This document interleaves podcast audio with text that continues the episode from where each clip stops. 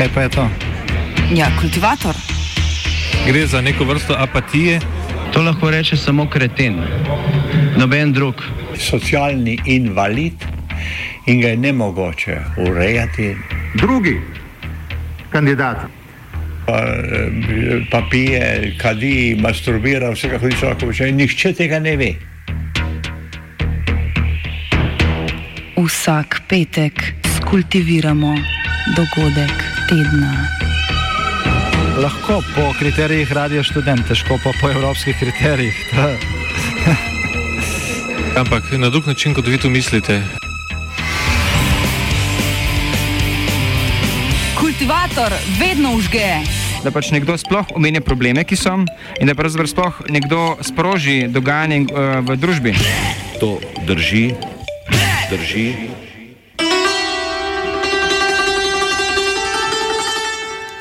Bližnje vzhodni menjalnik.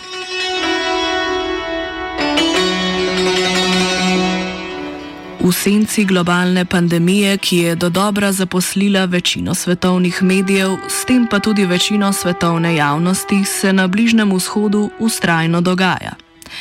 Na zadnje je utrujajoče periodično ponavljanje številk okuženih v sosednjih državah prekinila vez, da je bil v Iranu v atentatu ubit eden glavnih jedrskih znanstvenikov Islamske republike Iran, Mosen Farizadeh.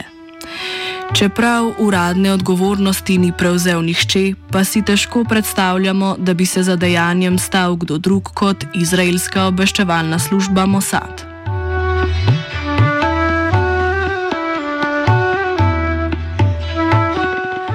Iran je na napad že odgovoril z izgonom mednarodnih jedrskih nadzornikov in zavrnitvijo pogojev, ki jih je za ponovni popis jedrskega dogovora predlagal prihajajoči ameriški predsednik Joseph Biden.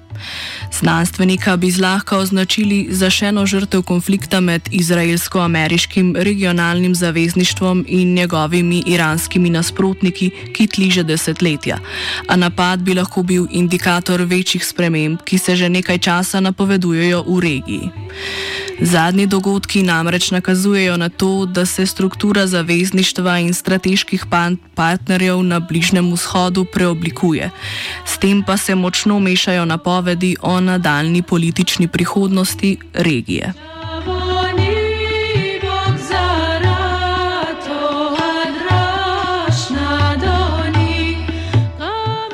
Osrednji vlogi sta kot ponavadi dva ključna politična igralca na Bližnem vzhodu: Izrael in Iran, ki že desetletja bijeta nekakšno miniaturno hladno vojno za nadzor nad pomembnim območjem Bližnjega vzhoda. Na eni strani te politične dihotomije stoji Izrael s svojim velikim bratom, Združenimi državami Amerike, na drugi pa tako imenovana os odpora, ki jo opiše dr. Primoš Trbenc, politolog in strokovnjak za politiko Bližnjega vzhoda. Os odpora je pravzaprav še edini blok, ki je danes uh, na nek način na poto popolni hegemoniji Izraela na Bližnjem vzhodu. Namreč že nekaj časa, torej že nekaj letih, uh, že nekaj let je jasno, da tisti načrt, ki ga je Odeti Non, torej geopolitični analitik Izraela, izrazil leta 1982, da je treba razbiti močne arabske države po etnični in religijski črti, s tem pa doseči, da bo Izrael pozicioniran v samem središču Bližnjega vzhoda, da to se dejansko se je v zadnjih 15 letih uresničilo. Irak, z napadom na Irak se je sprožila torej notranja dezintegracija, državljanska vojna, Irak je danes zelo uslabljena država, v Siriji divja vojna že devet let, tudi Sirija je uslabljena država, tudi Libija, ki je bila prej pod Gaddafijem neke vrste, torej oponent ameriško-izraelski politiki na Bližnjem vzhodu, je razbita. Tako da ta os odpora obstaja, kot sem rekel, edini blok, ki še zahteva od Izraela, naprimer, da se mora umakniti iz okupiranih ozemelj. To pomeni iz palestinskih okupiranih ozemelj.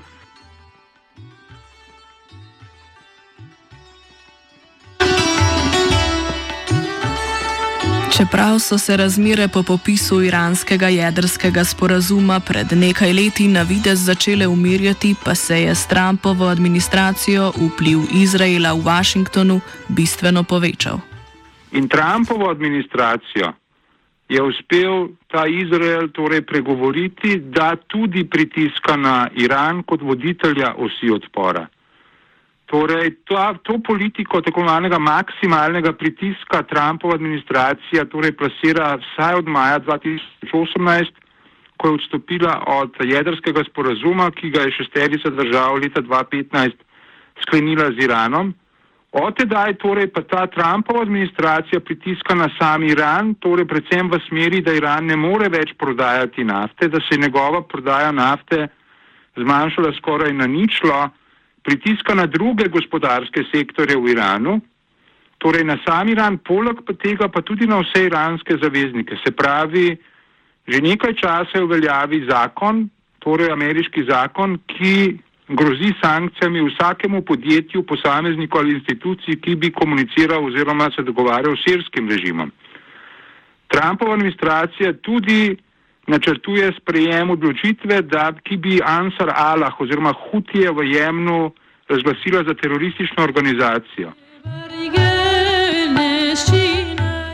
Pred povratkom k aktivnejšemu poseganju na Bližnem vzhodu se je ameriška zunanja politika, po mnenju novinarja, diplomata in izvedenca za Bližnji vzhod Zlatka Dizdareviča, začela obračati predvsem proti Daljnemu vzhodu. Novi putevi, energetski, naftni, plinski itd. itd. Također se mijenjaju, nije više Mediteran sa Sujetskim kanalom i i ta kompletna zona centar, centar interesa u tom smislu. Dakle, tačno je da se, evo da skratim, da se geostrategija svjetska, centar interesa svjetske geostrategije zapadne pogotovo u situaciji u kojoj više nemate dvije blokovske sile, nego, nego se pojavljuju mnoge, mnoge druge, uključujući uh, daleki istok, uključujući uh, BRICS, uključujući uh, ako hoćete Iran, Indiju i sve ostalo. Dakle, pomjera se prema, prema istoku i to je jedna stvar koja sama za sebe i ove druge poteze koji se danas dešavaju na Bliskom Naravno da je, da je Americi bitno da, da obezbijedi stabilnost i, i egzistenciju Izraela u, u ovoj situaciji i u toj priči se onda ušlo u novu, novi, ja bih rekao ne samo taktički, nego strateški potez uh, ojačavanja izraelskih veza sa dijelom arapskog svijeta. I arapski svijet prestaje da, da, da bude u onoj mjeri opasno za Izrael koje je bio ranije, relaksira se, relaksira se Izrael, ali se otvaraju mnogo veće i mnogo opasnije ambicije samog Netanjahua i ono, one struje u Izraelu koja nikad neće odustati od svog širenja do, do, do povijesnih granica. tem se strinja tudi Štrbenc, a opozarja, da je ravno strateška situacija na Bližnem vzhodu lahko ključna za doseganje ameriških geostrateških ciljev v Aziji. Dejstvo je, da je Obama razglasil, torej kot ste omenili, da se pivot ameriške zonanje oziroma varnostne politike seli iz Bližnjega vzhoda proti jugovzhodni Aziji. Se pravi, da je nekako fokus na torej obnašanju ljudske republike Kitajske, ki je seveda objektivno gledano in pa tudi subjektivno v očeh Washingtona DC najpomembnejši bodoči tekmec Združenih držav Amerike v mednarodnih odnosih. Ampak to ne pomeni, da če je Obama napovedal torej selitev pozornosti v Jugovzhodno Azijo, da bližnji vzhod Združenih držav Amerike več ne zanima. Namreč najmanj, kar je mogoče reči, je to, da Združene države Amerike hkrati, ko fokus premikajo v jugovzhodno Azijo, ne želijo tega bližnjega vzhoda pustiti torej kot neko zrelo hruško, da bi padla v naročje ljudski republiki Kitajski. Kitajska si namreč želi preko bližnjega vzhoda doseči neposredno povezavo z enim od svojih najpomembnejših trgov - Evropo. Eden od razlogov, da je Obama sklenil jedrski sporazum z Iranom, je ravno ta, da se zaveda izjemno pomembne geostrateške pozicije in vloge Irana. Nekateri analitiki pravijo, da ima Iran najpomembnejšo geostrateško lego na svetu. Ta država povezuje Bližnji vzhod z Južno in pa Srednjo Azijo. Je edina država, ki hkrati meji na Arabsko morje in pa na Kaspijsko jezero. Nadzoruje ali ne nadzoruje tudi hormuško užino, skozi katero gre vsak dan 20% svetovno konzumirane nafte. Torej, ker je Obama geopolitično in geostrateško razmišljal, je vedel, da bi še nadaljne sankcije Iran dobesedno potiskale v naročje Ljudski republiki Kitajski. Obama je to razmišljanje imel, Trump tega razmišljanja nima, ker je preveč pod vplivom Izraela. Lahko rečemo, da prav pod Trumpom se tisto dogaja, kaj o čemer pišeta John Mersheimer in pa Steven Wald, ko govorita, ko sta v svoji knjigi iz leta 2007, torej Israel Lobby in United States of America, govorila o tem, da marsikdaj se zdi, da bližnjo vzhodno politiko ZDA vodi Izrael, ne pa same ZDA. Eden ključnih elementov v tem prenovljenem pristopu k Bližnjemu vzhodu je poskus ameriških diplomatov, da bi zbližali stališča nekaterih ključnih ameriških zaveznikov v regije, ki si do tega trenutka niso bile blizu. V prvi vrsti Izraela in Saudove Arabije. Ono što je bitno svemu tome, to je, to je Trumpova uh, procjena, odnosno ljudi oko njega, da se uđe u ovu u fazu novu koja je vrlo interesantna i vrlo značajna, a to je u obezbeđivanje veza između Izraela i arapskih zemalja i zaliva. Tu su potpisani diplomatski sporazumi sa, sa Emiratima, sa Bahreinom i dalje izvan Bliskog istoka u Africi sa, sa Sudanom. Međutim, očigledno je da ta ideja i ta osovina je morala da, da završi, odnosno da se nastavi uspostavom diplomatskih odnosa sa Saudijskom Arabijom, koja je tu njima najznačajnija i najmoćnija. Kada bi postigli i da su postigli diplomatske pune odnose sa Saudijskom Arabijom, onda bi se vjerovatno otvorio, ovaj, otvorila prilika i za mnoge druge zemlje na, na.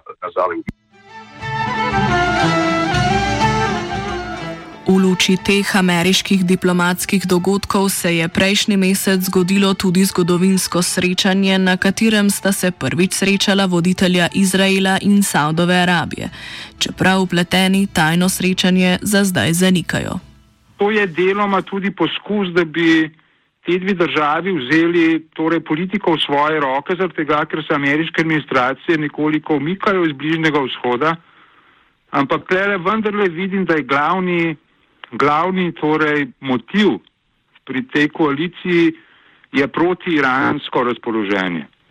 Predvsem Izrael, torej Izrael hoče na vsak način eliminirati ta zadnji center odpora proti svojih hegemoniji, medtem ko Saudska Arabija pa mislim torej, da je nekoliko preveč histerično protiiransko usmerjena da pretirava s tem iranskim vplivom oziroma ne upošteva dejstva, da je bil, v bistvu bil ameriški napad na Irak tisti, ki je Iranu dal tako veliko torej, povečanje moči, da je povzročil pravno ameriški napad 2003 na Irak, to, da se je oblikoval tako imenovan šiitski polmesec na Bližnjem vzhodu, ali povedano še drugače, še bolj torej, prepričljivo, Saudska Arabija ni pripravljena upoštevati, da ima, da ima Iran zelo legitimne varnostne torej, interese. Tudi Dizdarevic se strinja, da motivacija za zbliževanje teh zgodovinskih sovražnikov preko iz nekih temeljnih želja po sodelovanju izvira iz skupnega strahu pred iranskim vplivom v regiji. Ono što je u ovom trenutku bitno i što je bio smisao ovoga sastanka koji sam spomenuo, da je ovaj naslednik bin Salman Netanjahu i Pompeo u Saudijskoj Arabiji je, bilo, je bio pokušaj dogovora da se u ovih 50 dana, ili nešto već manje od 50 dana, u kojima bi, kad bi Biden trebao da, da formalno stupi na, na, na predsjedničko mjesto u Americi, sa svim onim naznakama koje je on već kazao i koje su u značajnoj mjeri na, na svjetskoj i međunarodnoj sceni, čak i u vezi sa Izraelom, čak i u vezi sa Saudijskom Arabijom, drugačije nego što je Trump ovaj, govorio, da se stvorena jedna panika u silama i snagama koje podržavaju Izrael, koje podržavaju Saudijsku Arabiju, koje podržavaju ovaj, ovaj, ovaj proces uh, između njih panika da će dolaskom Bajdena biti zatvorene mogućnosti za realizaciju onih njihovih interesa i projekata koje su imali dogovoreni. I zbog toga je po mom mišljenju ovih 50 dana vrlo kritičnih 50 dana u kojemu se postavlja pitanje hoće li Izrael zajedno sa, sa jednom o, strujom u Americi, iako moram da kažem da je, da e, Trumpu već bilo ponuđeno da uđe u vojnu intervenciju protiv Irana prije nekog sedmica, pa je krug oko njega uspio da ga ubijedi da je to bude laština, da je preopasno i da niko ne može garantirati da se neće treći svjetski rat. A Šterbenc kljub navideznemu zbliževanju med Saudici in Izraelom opozarja, da so prepreke za končno otoplitev razmer v arabskem svetu verjetno še vedno prevelike. Dokler bo Salman bin Abdelaziz Saud formalno kralj, do tedaj lahko pričakujemo oziroma smo, ne bo mogoče govoriti o tem, da bi šel Izrael po poti Združenih arabskih emiratov in Bahrajna in formalne diplomatske stike navezal. A veste, kralj Salman je vendarle bistveno bolj izkušen kot je njegov nedobudni sin. Kralj Salman se zaveda, kako pomembno je palestinsko vprašanje za vse arabce in muslimane.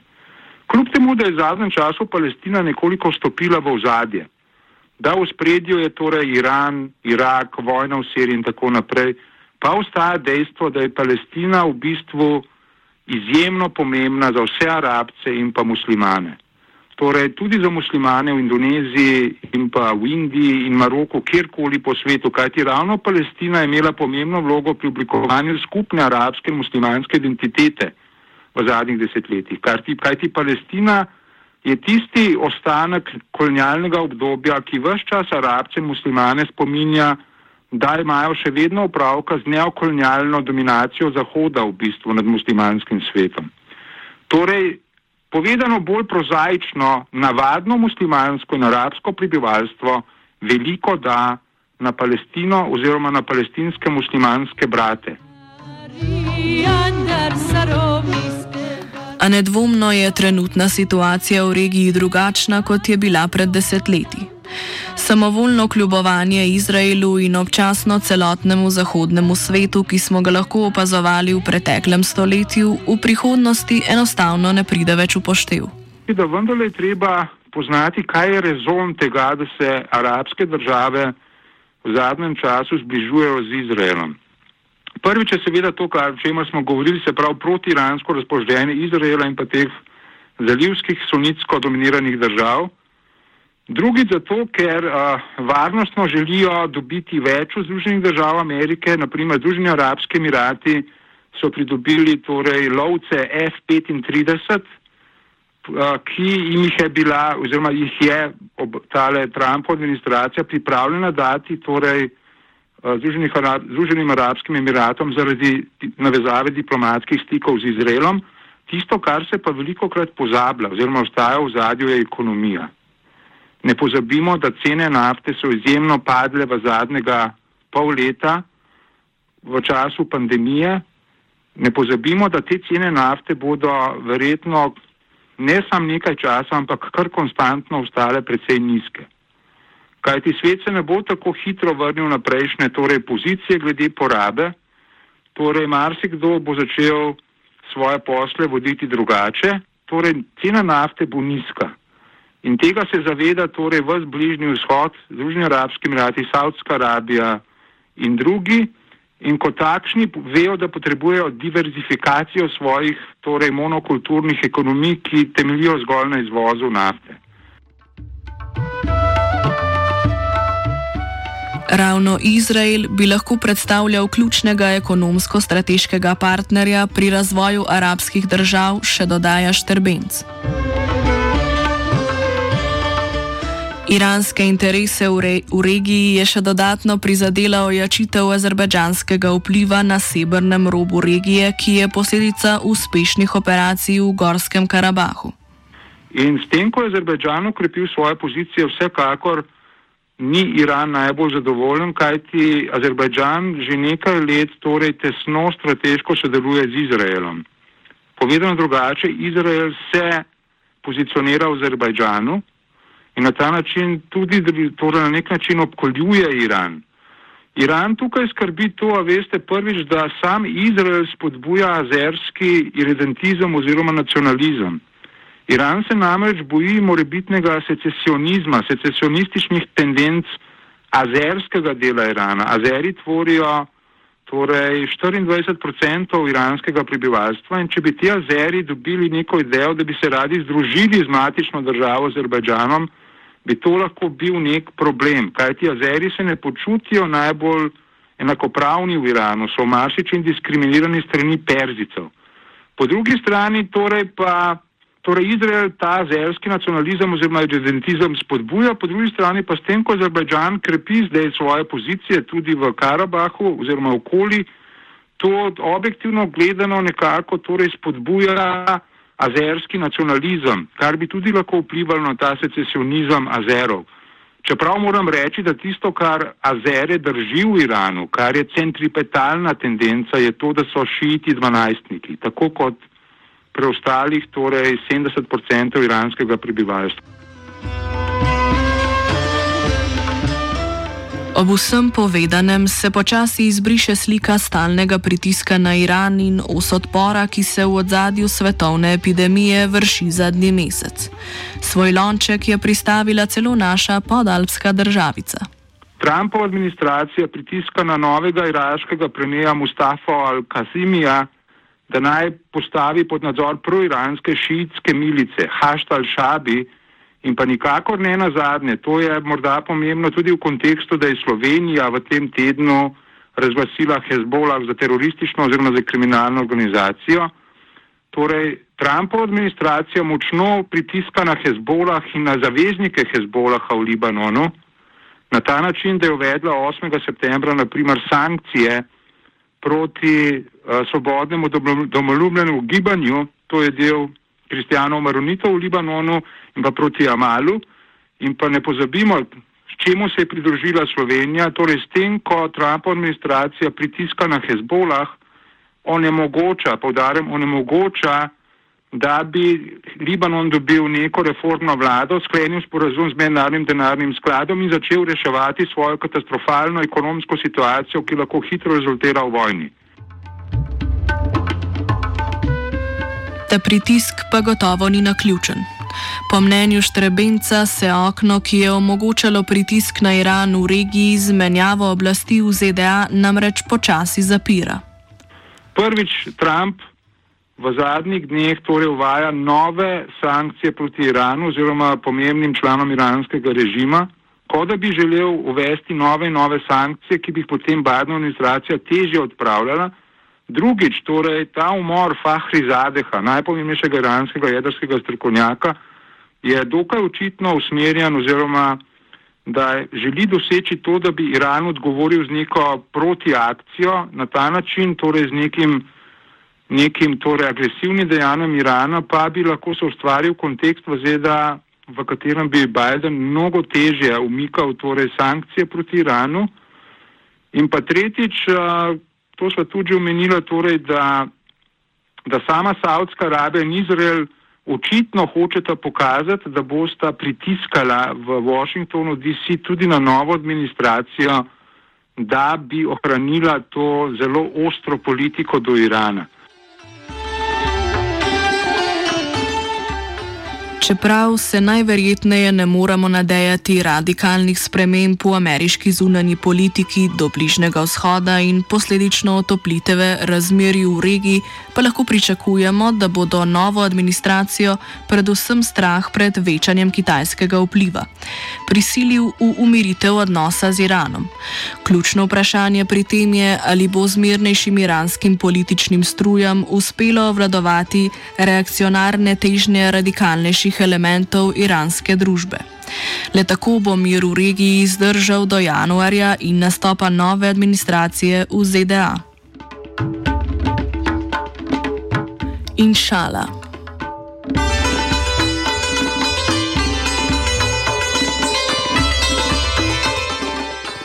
Kultivator je spisal koruza. أنتم تستمعون إلى راديو ستودنت نتمنى لكم صوتا نقيا وصورة أنقى. يلا.